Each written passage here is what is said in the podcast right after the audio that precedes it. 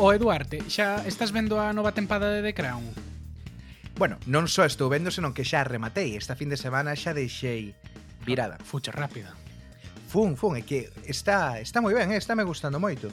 Gustoume particular ou está me gustando, ou gustoume máis ben particularmente o personaxe de Thatcher, está moi ben recreado. Eu, bueno, isto digo así un pouco como para ser culpable, guilty pleasure, non? Eu teño teño así moita admiración polo por Thatcher como personaxe como personaxe histórica e creo que está moi ben moi ben recreada o traballo que fai Gillian Anderson aí atriz é, é espectacular. Cando escoitei falar dixe mima que resucitaron a Thatcher de verdade a verdade é que imita moi moi moi moi ben. E os xestos que eh, fai a, a, como move a boca e tal sí que moi parecido. Claro é, é, é tal cual como se como se é, eh, eh, como que se encurra un pouquiño a falar, hmm. parecese, parecese moito e creo que tamén a súa personalidade, así como unha persoa dura, de principios, eh, que está disposta a pasar por riba de quen sexa, pois para levar adiante o seu o seu programa político, creo que está bastante ben capturado e, bueno, gustoume, gustoume moito. Hmm. Sí. Eh, e ti que? Sí, está, bueno, Thatcher está moi lograda, pero o príncipe Carlos e Diana de Gales a, min, a interpretación ah. pareceme brutal, porque bueno, a ver, eu non me lembraba moito da voz de Diana de Gales, do ton que mm. tiña, como falaba, pero vendo así algún documentario e vídeo bello dela, compáralo coa, coa serie, eh, como interpreta a actriz e fai exactamente igual, e Carlos igual, os xestos, a forma de falar, a verdade é que está está moi lograda. Está me gustando, eu ainda non acabei, vou polo cuarto capítulo, ainda me queda pero pero esta tempada a verdad que me está gustando. Mira que a terceira come, a terceira non a chegar a rematar de feito, mm. pero esta co tema de Diana de Gales e, e Thatcher enganchoume e, e a verdad que está está ben. Claro, e por que estamos falando de The Crown? Bueno, este non un, non un podcast de, sobre televisión. Estamos falando de The Crown porque no podcast esta semana ímos falar de Lady Di. Dentro intro. About Brexit. What, what's that? Like... Put your flags away, you're leaving, and take them with you if you are leaving now. With the light, with the music. Very welcome everybody here. You're joking. There's too much politics going on at the moment. Hi folks, I've developed mild symptoms of the coronavirus. The nose to the left, 432. Would you like a cup of tea? Yeah, sure. You got, have a cup of tea. Thank you, thank you.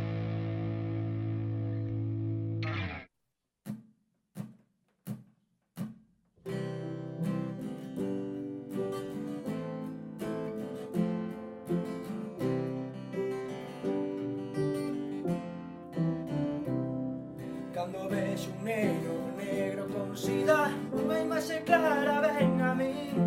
Rostro de Diana Spencer, Lady Di. Combinaba a labor humanitaria con un exquisito gusto no vestir. La única inglesa elegante, Lady Di. Bueno, tranquilos, estes non somos nós, aínda seguimos sendo un podcast, non nos metimos no mundo da música. Pero bueno, este son Poetarras, eh, a canción de Lady Di, que sacaron no YouTube aí cousa de seis anos. E a verdade é que nos vende perlas para comezar o podcast desta semana. Pedimos permiso para usar a canción, claro que somos xente seria, pero eh, é eh, certo que Lady Di, a protagonista do episodio de hoxe, eh, non é que deixásemos a política de lado, o Brexit de lado e pasemos a falar de Crónica Rosa. Falamos de Lady Di porque volta a estar de actualidade aquí no Reino Unido e faino por dous motivos. O primeiro, a estrea mm, da cuarta tempada de The Crown, onde se recrean os primeiros anos de Diana de Gales como membro da, da familia real británica, e o segundo por unha polémica que xurdiu arredor do 25 aniversario dunha entrevista que Lady Di deu á BBC dous anos antes da súa morte e que marcou un punto de inflexión na súa relación coa familia real británica ata o punto de que foi o detonante do seu divorcio co príncipe Carlos de Inglaterra. Claro, seguro que a xente máis veterana que escoita este podcast lembrará aquela entrevista porque saiu en todas as portadas de toda a prensa do corazón e non só do corazón do mundo enteiro. Hai Diana deu unha serie de, de claves ou fixo unha serie de declaracións absolutamente fundamentais para os acontecementos que virían nos próximos anos. En primeiro lugar, criticou ao príncipe Carlos e dixo que non estaba capacitado para ser rei, que non tiña esas cualidades persoais que, que se agardan dunha persoa que aspire á coroa británica. Ademais, tamén falou moi abertamente da, da relación do príncipe Carlos eh, con Camila e, e do impacto que iso tivo no, no seu matrimonio co, co príncipe, de feito hai unha cita, eh, bueno, en inglés é eh, así traducido por nós dun xeito un pouco trapalleiro, no que di que desde o primeiro momento ese matrimonio estivo un pouco concurrido porque eran mm. esencialmente tres persoas, pero en calquera caso, xa desde un punto de vista quizáis máis máis político, as consecuencias desta desta entrevista foron o divorcio de Carlos e Diana. Xa levaban tres anos separados, pero a raíz de ver isto na televisión, a raíña deu luz verde ou autorizou ese divorcio que levaba tempo pois eh, pois pendente. Claro. Pero agora esta entrevista mm, volta a estar de actualidade por unha polémica arredor de como se conseguiu a entrevista. Unha suposta mm, houve unha suposta mala praxe por parte da, da BBC. Bueno, o irmão de Diana de Gales, Charles Spencer, di que sí. En resumidas contas, o irmão de Lady Di di que un xornalista da BBC, que foi quen fixo a entrevista a Diana de Gales, eh, Martin Bashir, inventou, falsificou unhas transferencias bancarias para ter acceso a Diana de Gales e conseguir esta entrevista. Nesas transferencias bancarias, supostamente, o que se amosaba eran pagos dos servizos secretos británicos a cortesáns que traballaban preto de Diana de Gales e que supostamente estarían sendo pagados para que lle pasaran información aos servizos secretos da vida privada de Diana de Gales de acordo co irmão de Lady Di, este xornalista, que naquela altura era un xornalista do montón, quero dicir, Lady Di naquela época era unha celebrity, era a celebrity por excelencia do Reino Unido. Todo o mundo estaba desesperado por obter fotografías e declaracións delas e curiosamente pois fai, fai a entrevista a un xornalista que tampouco é moi coñecido, non? Pero bueno, supostamente este xornalista ensinoulle as transferencias bancarias a Charles Spencer e a raíz diso Charles Spencer presentoulle a súa irmá e de aí pois eh, xurdiu, xurdiu a entrevista. Isto, o feito de que fora este xornalista que a entrevistara xa fora algo polémico naquela altura e dera lugar a algunha investigación, non? Sí, é verdade. De feito, aló polo ano 96, penso que fora o Daily Mail quen xa publicara certas informacións de que estas facturas foran falsificadas e iso levou a que a BBC fixese unha investigación interna para avaliar se houbera mala praxe ou non ese, esas facturas que de feito se que se fixeran, que se encargan un diseñador da BBC, realmente se utilizaran para chantaxear ou para condicionar ao irmán de, de Diana. Quen dirixe esta investigación é eh, Tony Hall, que era un directivo da BBC naquela altura e que remataría sendo director xeral da BBC, e dicir a persoa de maior responsabilidade da, da corporación. Entón, unha persoa bastante importante. E esta investigación pois é bastante criticada por eh, polo irmán de Diana porque entenden que houbo certo encubrimento aí no sentido de que ao longo desta investigación só se falou co xornalista involucrado, con Martin Bashir, e eh, non se entrevistou, por exemplo, a, ao propio irmán de Diana que bueno, foi unha persoa involucrada nesta, nesta historia. Finalmente, a conclusión da investigación é que non houbo mala praxe e iso quedou un pouco tapado pois ate, ate agora, que volve a sair a, á superficie. Claro, a BBC naquela altura, un dos motivos que alegara para pechar esta investigación era que tiña supostamente unha declaración escrita de Diana de Gales dicindo que ela eh, nunca tivera coñecemento de transferencia bancaria ningunha e que, por tanto, non eh, foi o motivo polo cal aceptou finalmente facer a entrevista. E esa proba escrita durante anos desapareceu e agora, despois desta nova denuncia que fixo o irmão de Diana, semana e agora que a BBC vai reabrir a, a investigación, curiosamente apareceu de novo, aínda que non é pública, non? Entón, bueno, como ti dicías, eh, o feito de que non falaran co irmán, o feito de que esta declaración escrita de Diana ande aparecendo e desaparecendo, eh, fai pensar que hai aí algunha lagoa, non? E que, bueno, pois se cadra a BBC ten algo que, que esconder. Non o sabemos. Eh, o xornalista Martín Bashir sigue en nómina da, da BBC, aínda que agora mesmo está de baixa, non sabemos se despois desta polémica vai volver, pero bueno, A investigación eh, chegou á propia familia real británica, de feito, bueno, pois eh, William, o fillo maior de, de Diana, pois dixo que ia estar en riba desta investigación e que agardaba que se esclarecesen os feitos para, bueno, pois salvar a, a imaxe eh, ou limpar a imaxe da, da súa nai, o seu irmán en concreto, pois pide un perdón póstumo para Diana e que a BBC pois eh, faga unha indemnización económica en forma de donativo a algunhas das ONGs coas que Eh, coas que Diana colaborou cando vivía.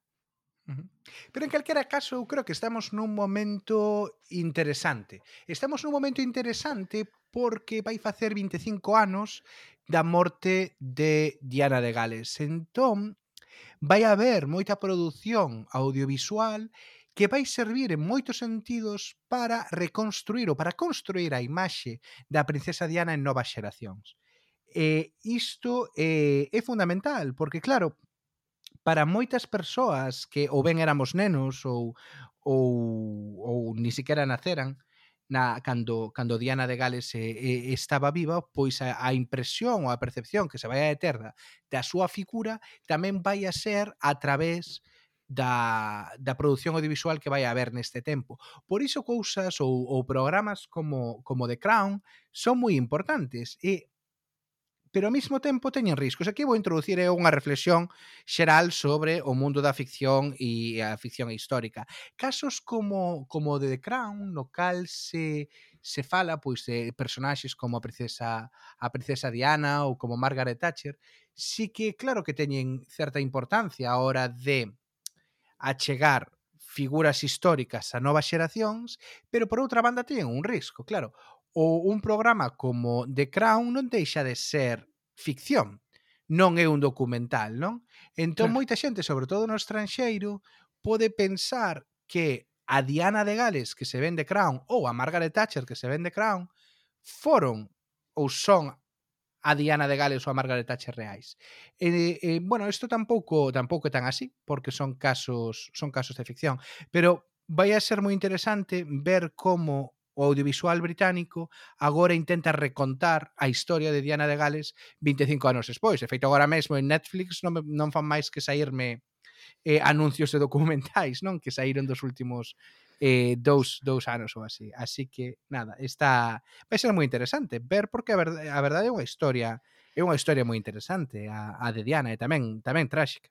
Claro, unha historia tráxica. Eu vendo a serie e algún outro documentario, a verdade é que sintes pena por, por Diana de Gales, porque, bueno, non deixou de ser unha rapaza de 19 anos que de repente casa cun príncipe de 31-32 anos e que entra nunha familia real profundamente arcaica, profundamente elitista, e, e bueno, ela non, non encaixa nese mundo.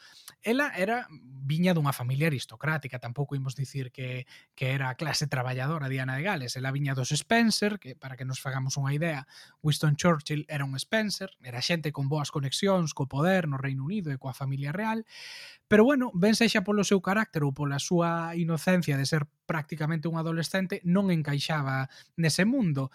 E, de feito, ela entra e revoluciona por completo as formas da familia real, mentres que a raíña Isabel eh, mantiña sempre esa distancia, esa barreira entre ela e os seus súbditos, Diana de Gales abalanzábase a abrazar a xente, a abrazar os nenos, a tocar a todo o mundo, bueno, quero dicir, non non había esa barreira. Entón, rachou as formas da, da familia real. De feito, eh, chamoume moito a atención que hai un par de semanas o The Economist sacou un artigo sobre ela, precisamente a raíz da estrela desta nova tempada de The Crown, e falaba dela como a primeira populista da familia real británica, porque sí que é certo que ela se vía a sí mesma como unha especie de outsider anti-elite.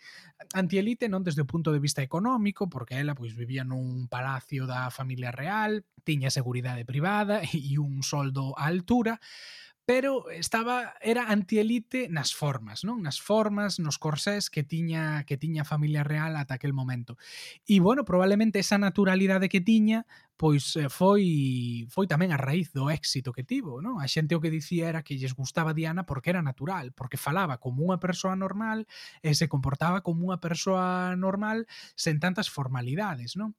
Eh, entón, eh, bueno, sí que sí que tivo ese toque populista. De feito, na entrevista de da Panorama, eh, hai un momento no que lle preguntan se ela se, se vía sendo reina de Inglaterra algún día ela dixo algo que a mí me chamou moito a atención e era que non, non se vía como raíña de Inglaterra, pero sí que se vía como raíña dos corazóns da xente. Do you think you'll ever be queen? No, I don't. No. Why do you think that? I'd like to be a queen of people's hearts in people's hearts, but I don't see myself being queen of this country. I don't think many people would want me to be queen. Actually, when I say many people, I mean the establishment that I'm married into, because they've decided that I'm a non-starter. Claro, eso é aí populismo duro. pero máis alá da anécdota, máis alá da, bueno, da tráxica vida que tivo, sí que foi unha persoa importante desde o punto de vista de que cambiou por completo as formas de relacionarse eh, a monarquía coa sociedade, non? Vese moi claramente nos seus fillos, tanto en William como en Harry, e nas mulleres dos seus fillos. Son xente que se comporta de forma moito máis normal, moito máis natural, e que continúa con ese traballo solidario que Diana eh, pois emprendera de traballar con ONGs. Eh, Diana de Gales no seu día pois eh, colaborou moito con ONGs na loita contra o SIDA, a, en África, a favor pois dos traballos para retirar as minas da Guerra Civil en Angola, por exemplo, bueno, múltiples causas de axuda a colectivos pois eh, vulnerables nos que se implicou e que agora pois os seus fillos de algún algunha forma continúan. Sí, completamente. E a maiores isto eh, abriu unha nova relación entre familia real e medios de comunicación, no cal, claro, Diana Spencer convértese nunha celebrity e non nunha celebrity calquera, convértese na gran celebrity mundial, máis alá, máis alá do Reino Unido, todo o mundo quería saber máis sobre o que facía esta persoa. E claro, isto levou tamén a que a sacar quizáis o peor da, da industria dos medios de comunicación e de determinados medios de comunicación, particularmente dos tabloides británicos que en moitos sentidos son fan un xornalismo bastante terrible era un momento no cal tamén coincidiu cun avance tecnolóxico, co, coa aparición dos, dos teleobxectivos, eh, to entón podíanse sacar fotografías a moita distancia, o cal serviu para desenvolver unha barbaridade o mundo dos, eh, dos paparazzis, e iso causou, claro, moitísima presión en, en Diana. E eh, rematou pois con cousas como eh, o director de, de Sante do que ir a declarar ao Parlamento pois pola tipo de cobertura que fixeran de Diana de Gales pois unha vez que estaba despois de que morrese, non? Mm. Pois sí, bueno, pois eh, continuará dando moito que falar nos próximos meses e nos próximos anos, porque como dicías, pois en 2022 vai ser o 25 aniversario da súa morte, e co aficionados que son os medios eh, neste país pois a rememorar ese tipo de acontecementos e sendo o caso de Diana de Gales, de seguro que nos próximos anos pois se falará se falará moito dela. Pero bueno, eh, nós a diferenza da BBC non entrevistamos a xente da realeza, entrevistamos a galegos que están emigrados no Reino Unido que para nós son moi moito máis importantes, así que se queredes contribuir a que sigamos falando coa nosa xente, pois xa sabedes que podedes facer eh, vos suscriptores do noso podcast en patreon.com barra tecongotas, aí tedes catro modalidades de suscripción, desde 2,5 libras aproximadamente ata 10 libras eh, o mes, E nada, se vos facedes suscriptores, ademais de contribuir co podcast, teredes acceso a contidos exclusivos e en función do que pagades, o mellor tamén recibides algo do noso merchandising. Así que xa sabedes, patreon.com barra tecongotas. E para a segunda parte do programa temos unha entrevista con Harriet Cook. Harriet é unha lingüista británica que desenvolveu o gordo da súa, da súa investigación vencellada a Galiza e a lingua galega. E máis, a día de hoxe está estudando estudante de doutoramento na prestixiosa Universidade de King's College de Londres, onde está facendo unha tese sobre literatura medieval galega. Hola, Harriet, que tal? Hola, moi ben, e vos, que tal? Moi ben, moitas grazas eh, por participar nesta, nesta entrevista do Te con Gotas. Mira, na primeira parte do programa estábamos falando eh, de Lady Diana e eh, de como aquel fenómeno está regresando un pouquiño ao debate público aquí no Reino Unido, agora que estamos relativamente cerca do 25 aniversario da súa morte. Ti, como, como británica, como lembras eh, aquel episodio e, sobre todo, quizáis o, o shock que, que, que viviu este país a raíz da, da súa morte en 1997? Um, non pode dicirche moito porque cando pasou tiña seis anos, entón era moi moi pequena. O que sí que um, creo lembra é estar no salón coa miña nai vendo o funeral na, te na televisión e o shock que había bueno, o shock, a tristeza que había na miña familia vendo as imaxes tan fortes dese día. Um, ehm, penso que igual é a primeira lembranza que teño dun, dun evento así nas noticias. Entón, é un pouco imp impactante para min reflexionar sobre todo isto a raíz disto. Quen nos estea escoitando agora probablemente lle chame moito a atención pois eh, escoitar a unha británica eh, falando en galego. Eh, de onde che ven ese, ese interese por Galicia e pola nosa lingua? Um, ben, dende ben Lonche, eh, así vos parece, conto vos un pouco a historia que comenzou cando tiña 10 anos e estaba de vacacións en Mallorca coa miña familia. Sí, por favor, dalle. A miña familia sempre ia de vacacións a Mallorca cando era pequena e un día non sei cantos anos tiña, igual 10 ou por ali, estábamos un, nun bar e estallouse una bronca tremenda entre un hombre británico e un camarero que for, fora moi simpático conmigo cando íamos a ese bar. Eu a día de hoxe non sei moi ben porque estallou unha bronca tan tremenda ese día. Perdeu-me moitas ganas de poder aprender a falar a español para decirle a ese camarero que estaba triste por la situación e que eu quería que yo no iba a hacer algo así. Y no sé por qué pensaba así, supongo que fue a lógica de una nena de 10 años. Mm. Pero quedóseme muy grabada en la memoria esa escena. Ellas ganas de aprender español quedaron conmigo muchos años después, hasta estar en un instituto cuando tenía a oportunidad de coger clases de español. Um, poco a poco fui aprendiendo máis palabras e a miña familia seguía indo de vacacións a Mallorca e un día um, decateime de que as palabras ali a veces se escribían de maneira distinta ao que esperaba. E, e estábamos noutro restaurante e na mesa ponía algo que um, tiña taula reservada. Eu pensaba que a palabra para mesa era mesa, Entón dixenlle ao camareiro que por que non ponía mesa ali e explicoume que ali existía o catalán e dixenme que si quería cumprir co meu objetivo de poder falarlle con rapaz do de cando tiña 10 anos ia ter que aprender a falar catalán. E fixen isto e de ali comezou un pouco a miña a miña paixón por las linguas cooficiais da península. E cando tiven a ocasión de escoller sitio. Para o meu Erasmus, pois foi todo un pouco por casualidade, pero acabei en Galicia.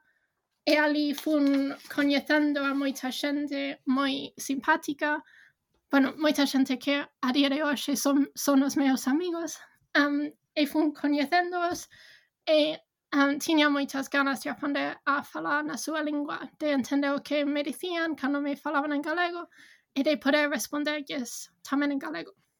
E iso é todo sin dicirvos nada da, do interese que teño tamén por ler libros en galego, por ver cine en galego. Ehm, um, non sei, é unha cosa que levo moito no corazón. Claro, que, que interesante. Bueno, estás falando xa de eh, de que falas, eh, aprendiste a falar galego, como ben sabemos, español. Cantas linguas falas xa? Um, teño, o sea, xa cando fixen a carreira aquí, licenciei-me en, en francés e español, um, e tamén espe especialiceime un pouco en estudos cataláns, um, e o galego um, veu despois. Um, uh -huh. Cando fixen o Erasmus en Santiago, sí que comenzaba un pouco a a aprender o galego pero foi cando fixen o máster. Um, despois de rematar a carreira aquí, que empecé a falar máis, a entender máis, a claro. saber onde aprender máis. Falabas agora de libros e da túa paixón pola literatura galega. Hai así algún libro, como curiosidade, eh? algún libro ou algún escritor galego eh, que che guste especialmente? Hmm, é unha boa pregunta. Um, un libro que faime moita ilusión agora mesmo e vou no buscar porque eu teño aquí xusto nas estanterías e non me acordo do autor. Bueno, non o teño tan a. Pero sobre as cantigas, así como una, una historia de amor baseada nas cantigas, e gustame moito. Uh -huh. Eh, estabas comentando, claro, ti en Galicia pasaches en dúas fases. Primeiro no Erasmus e despois volviches a, a facer a facer un máster, pero foi o primeiro contacto que tiveches a nivel académico foi foi que co Erasmus. Agora estáse falando moito aquí no, no Reino Unido de se a partir do Brexit o Reino Unido vai facer eh, parte deste programa ou non, é unha decisión que, que hai que tomar. E se ti tiveses que convencer o goberno de manter este programa, este programa que ti utilizaches, que razóns lle darías? Um, eu creo que falaría dun xeito moi persoal, um, xa que o meu Erasmus en Santiago cambiou-me a vida en tantos sentidos y cambió a mi manera de, de interactuar con el mundo. Conocí a unos dos meus um, mejores amigos, no solo durante Erasmus, sino gracias, gracias también a las puertas que me abrió esa experiencia, como por ejemplo el máster que acabamos de hablar. Um, eh, ese interés por lo galego que, que me llevara a tantas experiencias que marcaron a miña vida, como por exemplo Galician Film Forum, a tese que estou facendo agora mesmo, as amizades que manteño en Galicia, que eu aprendo un montón dos meus amigos. Um, son unha persoa distinta grazas a eles e se non fora polo Erasmus, pues sería unha persoa distinta. Claro, esa experiencia en Galicia, ese mestrado que fixeches en Galicia, imagino que eh, contribuiría a que optases por unha investigación sobre a lírica medieval galego-portuguesa, non? Que foi así o que máis te, te chamou desa, bueno, desa rama da literatura antiga galego-portuguesa? Que foi o que máis te atraeu? Hmm. Um, well, son moitas cosas. Um, para min, Eu sempre tive moito interese no mundo do amor medieval. Um, cando fixen aquí a carreira, fixen o proxecto de fin de carreira sobre um, unha obra que se chama A Cárcel, bueno, Cárcel de Amor de Diego de San Pedro. E uh, cando estaba cando estiven facendo o meu Erasmus en Galicia, pois un amigo enterouse de que tiña interese Necesité por la literatura y como agasallo deume una antología de cantigas traducidas del galego-portugués al castellano moderno por parte de la profesora Elvira Fidalgo. Entonces fui aprendiendo un poco sobre el, sobre el fenómeno gracias a ese libro. Y luego cuando, fiché, cuando volví a Santiago para hacer un máster, que fue un máster um, de Estudios Medievales Interdisciplinar entre varias facultades de, de UCC, pues tienen algunas clases por parte de profesora Esther Corral y también de la profesora Fira, Elvira Fidalgo sobre las cantillas. Y no sé, um, para mí fue tan fascinante aprender sobre ellas porque combinan un amor que tenía ya desde, los, bueno, desde la carrera um, polo, polo mundo do amo, de amo medieval e tamén um, ese interese que teño na cultura galega, na lingua galega. Entón, traballar sobre a lírica todos, todos os días um, dame a oportunidade de estar neses dous mundos. Uh -huh E se tiveses, entendo que as investigacións e as teses son temas complexos, pero se tiveses que explicar de xeito sucinto e concretamente que estás investigando ou cales foron as conclusións que polo de agora estreiches o teu traballo, como como resumirías? Um, penso que unas, unha das conclusións máis emocionantes a que as que a que fun chegando ao longo da miña tese é, a, é o feito de que as cantigas siguen seguen ben vivas hoxe en día. Um, más o menos cada semana, cada mes, entérame de otra reescritura de una cantina, de otra persona que has estado usando unas redes para, para hablar de una, de una experiencia que tuvo antes o, o sea, en este tiempo en no que estamos hoy, uh eh, -huh. esta com combinación de tiempo medieval con tiempo moderno es muy interesante para mí. Um, Uh -huh. E iso é a conclusión, penso. Estás dicindo entón que para ti a, a lírica medieval sigue tendo unha influencia na, nas creacións actuais literarias? Yes, perdón. No, no, sí, sí. Eh, que, que, que exemplo nos poderías poñer de algún creador, de algunha creadora galega actual que, que estea influída pola, pola literatura medieval? Um, que vou me emocionar un montón, pero um, un dos ejemplos que más me fascina es eh, um, una creación de YouTube a uh, Miguel Silva, aquel en YouTube. Um, eh, parece me casi fai dos años o así cuando salió el vídeo, casi caínme de la cama um, por la ilusión que sentí al ver el vídeo que, sub, que pusieron en YouTube, que se llamaba Neotribalismo 2.0. En, es, neste vídeo fai unha recrea recreación dunha cantiga medieval baseándose um, nas redes sociais. Entón, um, unha das ideas principais desa cantiga é que um, é a idea de darlle a me gusta nunha foto no Instagram. E pareceme tan guai que, que fixera unha cantiga así um, con, con Instagram. Eh, antes mencionabas que, que ti tamén colaboras aquí en, no Reino Unido no Galician Film Forum, bueno, este grupo de, de galegos que se dedican a promocionar o audiovisual galego no Reino Unido. Sorprendeuche o nivel da organización da, da comunidade galega? Ou, ou xa estabas enterada de antemán?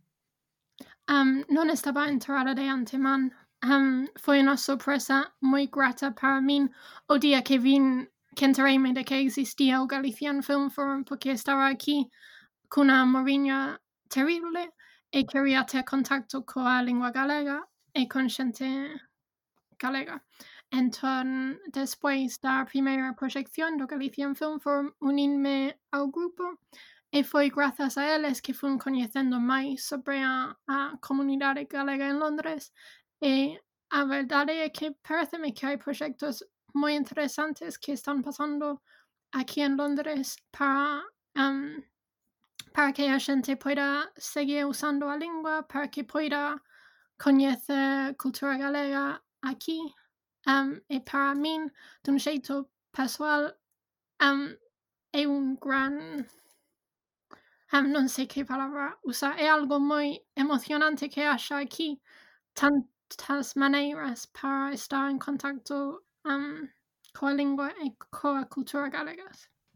Eh, bueno, a pesar de que aquí hai moita moita comunidade organizada e bueno, sempre fago este disclaimer, no? que eu tamén son parte do Galician Film Forum do que fala do que fala Harriet. Eh, efectivamente temos moitas organizacións, moitos colectivos, eh, existimos comunidade aquí, pero ti pensas que hai certo descoñecemento sobre o que é Galicia ou sobre a diversidade cultural que tamén existe eh, no Estado español aquí no Reino Unido? Hmm, um, non quero falar um, de maneira moi generalizada, falo das miñas propias experiencias um, que son que a xente soite máis coñecemento de que existe a, o catalán e a Cataluña, de que existe Galicia e o galego. Eu sempre, todos os días, estou Estou loitando para que a xente saiba que existe Galicia, saiba que existe unha lingua e non, non un dialecto. Eu estou sempre tendo conversas con xente que pensa que o galego é un dialecto e eu intento explicarlles o que é unha lingua cooficial um, e fago iso en moitos aspectos da miña vida non son non só so cando Non so cando estou traballando na universidade. Um, ehm, fago iso en moitos aspectos da miña vida, sobre todo can, cando estou coñecendo a xente nova en festas, por exemplo, onde sexa. Pois unha das primeiras cosas das que falo soy, so, soy se a miña investigación e logo a xente pregunta polo galego, polo galego e eu explico. Okay. Uh -huh. Claro, a min todo isto que estás contando, e mesmo o feito de que esteas aquí falando eh, en galego, pareceme algo revolucionario, se me apuras, porque pensas eh, no que está a acontecer ahora en Galicia e nos debates que hai que hai en España alrededor das linguas e ves que hai moita xente que a pesar de que a súa lingua nai é o castelán, pois coa proximidade e as facilidades que, que iso dá a hora de aprender outros idiomas cooficiais como pode ser o catalán ou, ou o galego, pois é, é xente que protesta, que hai, bueno, pois discursos en contra da obligatoriedade, por exemplo, de aprender galego para mm, traballar en certos postos eh, en Galicia. Ti como unha británica que estamos vendo aquí, eres galego falante tamén, que, que opinión che merecen ese tipo de discursos? Que opinión che merecen pois esas persoas que, que se negan a facer un esforzo extra por aprender un, un idioma máis que, que bueno, pois que un idioma máis de, do Estado español? Hmm. Um, ainda non me metín moito nese mundo. Sei que se si quixera sacar traballo en Galicia teria que aprobar un exame. E tampouco falei moito con xente de fora de Galicia que, que, que queira traballar ali um, falando da miña propia experiencia facer o Erasmus ali en Galicia e ter profesores que querían dar as súas clases en galego e alumnos que querían que os seus profes deran as clases en galego non ia ser eu a que dixera que non eu a que um, propuxera que as clases se deran en castelán. E Supoño que mantería o mesmo respecto caro galego si chegara o momento de buscar traballo alí en Torno. Eh, sido unha reflexión un pouco, quizás un poquinho máis xeral, como ves o estado da lingua galega en Galicia desde un punto de vista algo máis eh, externo ou que, o, o que che permite tamén o feito de vir de fora e observar a realidade galega eh, como ves o estado o estado da lingua agora mesmo? É unha gran pregunta. Mm. Um, levo bastante tempo sin estar en Galicia pola pandemia. Claro. Um, entón, o que quería comentar en resposta a esta pregunta é máis ben algo que vexo hoxe en día nas redes que non existía um, fai un ano que son os vídeos de Digo Choeu. E para min uh, son moi importantes, non son porque me dan danme a min a oportunidade de coñecer máis palabras en galego, sino tamén porque um, promocionan a lingua galega nas redes uh, dunha maneira tan divertida e tan tan engaging, tan um, tan aberta ao mundo. E espero e penso um, que cada día estou vendo máis xente falando na en galego no meu Twitter, nas miñas redes sociais, e oxalá isto sexa unha reflexión de que um, hai máis xente um, que ten máis confianza para falar a lingua e de feito penso que nun dos vídeos do, de Digo Cheo um, que saiu fai pouco um, a rapaza está dixo que a xente non tivera vergoña en falar galego mal como igual estou eu facendo agora mesmo que cuestión de, de lanzarse, de poñer esforzo e ninguén um, che vai uh, ninguén che vai dicir nada mal por cometer errores de gramática. Uh -huh. um, Sí, eu estou de acordo, digo cho eu, a verdade é que me parece un fenómeno moi interesante e ademais gustame especialmente estes vídeos que sacan ás veces falando sobre como se din as cousas en portugués, as diferenzas entre o galego e o portugués, que é algo moi necesario e que na escola cando aprendemos galego pois non non se nos ensina moitas veces, non? Pero bueno, sí. Hmm. Pois eh bueno, eh, Harriet, nós aquí no Te Congotas temos sempre unha pregunta final a todos os galegos que entrevistamos e ti claramente pois eres unha galega máis, así que non te vas a non te vas a librar da pregunta. Sempre intentamos poñervos nunha situación así un pouco de política ficción na que terías un cargo de responsabilidade eh, na Xunta de Galicia Galicia, serías omnipotente, terías un orzamento ilimitado para facer o que quixeras. E no teu caso, como, como británica galega, queremos te poñer na situación de que eh, sexas responsable de promover a marca Galicia ou a imaxe de Galicia no Reino Unido. Que políticas, que decisións, que medidas levarías a cabo se estiveran a túa man para dar a coñecer Galicia realmente eh, aquí nas Illas Británicas? Wow. É difícil, ¿eh? sería un sueño para mí, ¿no? Tesis o cemento. Um, pienso que si yo tuviera, um, abriría más centros de estudos galegos aquí nas universidades británicas. De momento creo que son tres e fan un, un labor moi importante para la lingua galega. E eh, se hubiera más, um, penso, bueno, sería fantástico, ¿no? Logo tamén igual um, Os cursos de verán para a lingua e cultura galega para a xente que vende fora son moi importantes. E dan um, bolsas cada ano para a xente que vende fora para que vayan a pasar, creo que son tres semanas en Galicia. E si tivera orzamento um, igual daría promocionaría máis eses cursos de alguna maneira, pero non sei como faría, que xa van moita, xa van moitas persoas aos cursos. Moi ben, pois con esta reflexión eh, quedamos. Harriet Cook, moitas grazas polo teu tempo. Ah, grazas a vos por convidarme a min a facer isto e participar no vosso proxecto que foi moi emocionante para min. Pois ata aquí o programa desta semana. Non é habitual que no Té con Gotas falemos da familia real. Penso que só hai un precedente cando falamos da saída de Meghan Markle e do príncipe eh, Harry.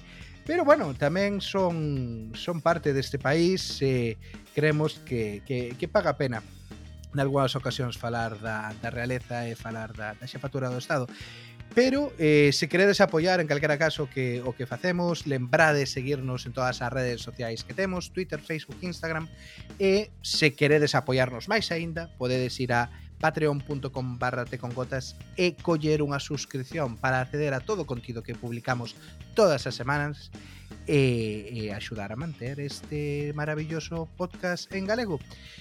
Se en calquera caso, escoitámonos en dúas semaniñas.